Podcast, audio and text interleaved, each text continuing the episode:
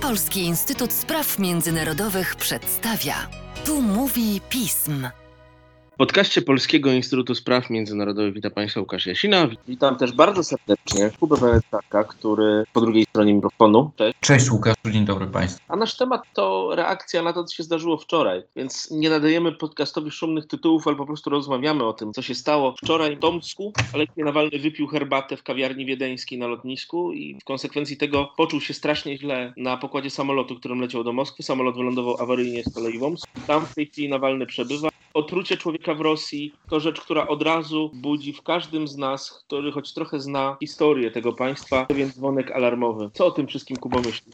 Po pierwsze, to nie jest pierwsze otrucie Nawalnego. Próbowano go otruć rok temu. To znaczy otruto, ale nie doprowadzono do skutku śmiertelnego. No jest też tak, że nie jest to pierwszy opozycjonista otruty, bo mieliśmy Karamurzę, mieliśmy Piotra Wierziłowa, męża Natalii Tołokonnikowej z Pussy Riot i jeszcze kilku innych. No ja już nie wspominam o Juszczence, Skrypalu i Litwinienko, chociaż no to są, są trochę inne kalibry. To zasadniczo uważam, choć rzecz jasna nie przedstawię tutaj żadnych kwitów i dowodów na ten pogląd, no, że to nie jest przypadek, że właśnie teraz Aleksiej Nawalny został otruty i to dosyć skutecznie, ponieważ od wczoraj nie odzyskuje przytomności. Czy rodzą się nam w związku z tym podejrzenia? Czy mamy jakiekolwiek poszlaki dotyczące tego, kto może za tym stać? Czy jesteśmy skazani na analizę opierającą się na takim pięknym łacińskim prawniczym sformułowaniu cui bono?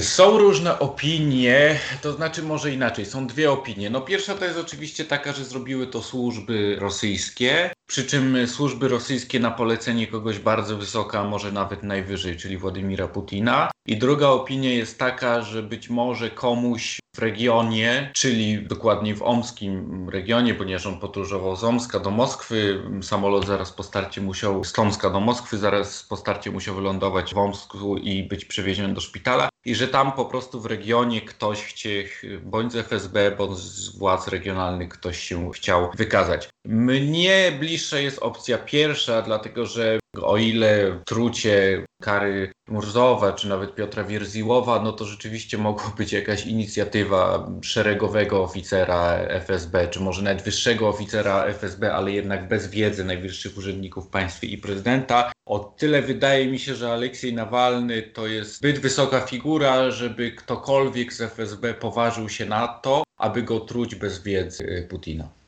czy to, co się dzieje od półtora tygodnia, to znaczy coś, co już możemy nazwać białoruską rewolucją, bez względu na to, czy ona pali się, wygaśnie, to jest rzecz, którą możemy jakoś wiązać z tym, co się dzieje z Nawalnym. Czy ktoś mógł chcieć wysłać sygnał do potencjalnych rosyjskich opozycjonistów, żeby wiedzieli, jak kończą ci, którzy się buntują?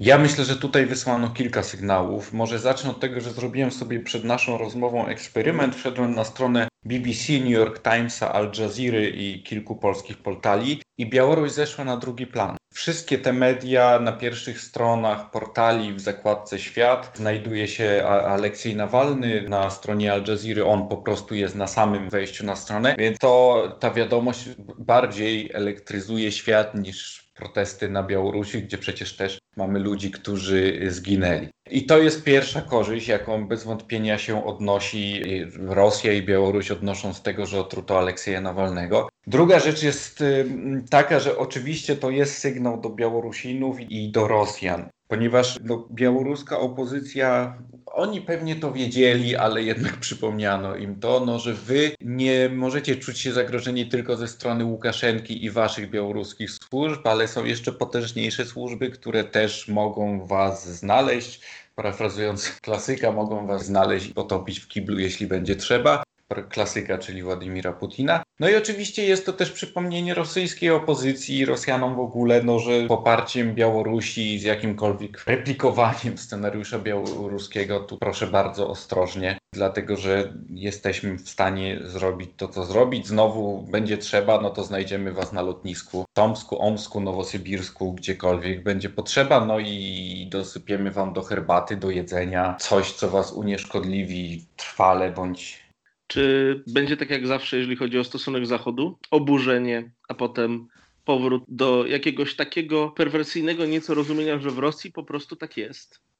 To jest bardzo dobre pytanie i pewnie nikt na to do końca nie potrafi e, odpowiedzieć. pewnie będzie oburzenie Zachodu, no bo Nawalny to jest taka postać. Zresztą y, z jednej strony Kreml odnosi bardzo krótkotrwałe korzyści z tego, że że Nawalny został otruty, ale z drugiej strony przydał Nawalnemu aureolę świętego i Gandiego, którym Nawalny nie jest, bo można mieć do niego dużo zastrzeżeń, choćby flirt y, ze skrajnym nacjonalizmem, ale długookresowo no to właśnie Kreml zrobił z, y, z Nawalnego Gandiego. Zachód się na pewno oburzy, oburzą się pewnie Stany Zjednoczone, gdzie Nawalny studiował przez pół roku, bądź rok, o ile dobrze pamiętam, ale czy za tym pójdą jakieś dalsze kroki? No myślę, że nie, bo jeżeli popatrzymy na historię, o której mówiliśmy, prób otrucia tego czy innego opozycjonisty, no, no to chyba trzeba przyjąć, że w Rosji tak jest i jeżeli próbujesz iść na czołówkę z tym reżimem, no to to cię może spotkać. I nie tylko zresztą jak jesteś z Rosji i w Rosji. Kubo, podejrzewam, że będziemy jeszcze nagrywali kolejne podcasty na ten straszny temat. W chwili, kiedy nagrywamy podcast, samolot z Aleksiejem Nawalnym nie wystartował jeszcze z rosyjskiego lotniska. Nie wiemy więc też, jakie będą jego dalsze losy Zgadza w dzisiejszym. Dzięki wielkie, dużo zdrowia i Również obyśmy dziękuję. niż. Dziękuję Państwu, dzięki Łukasz.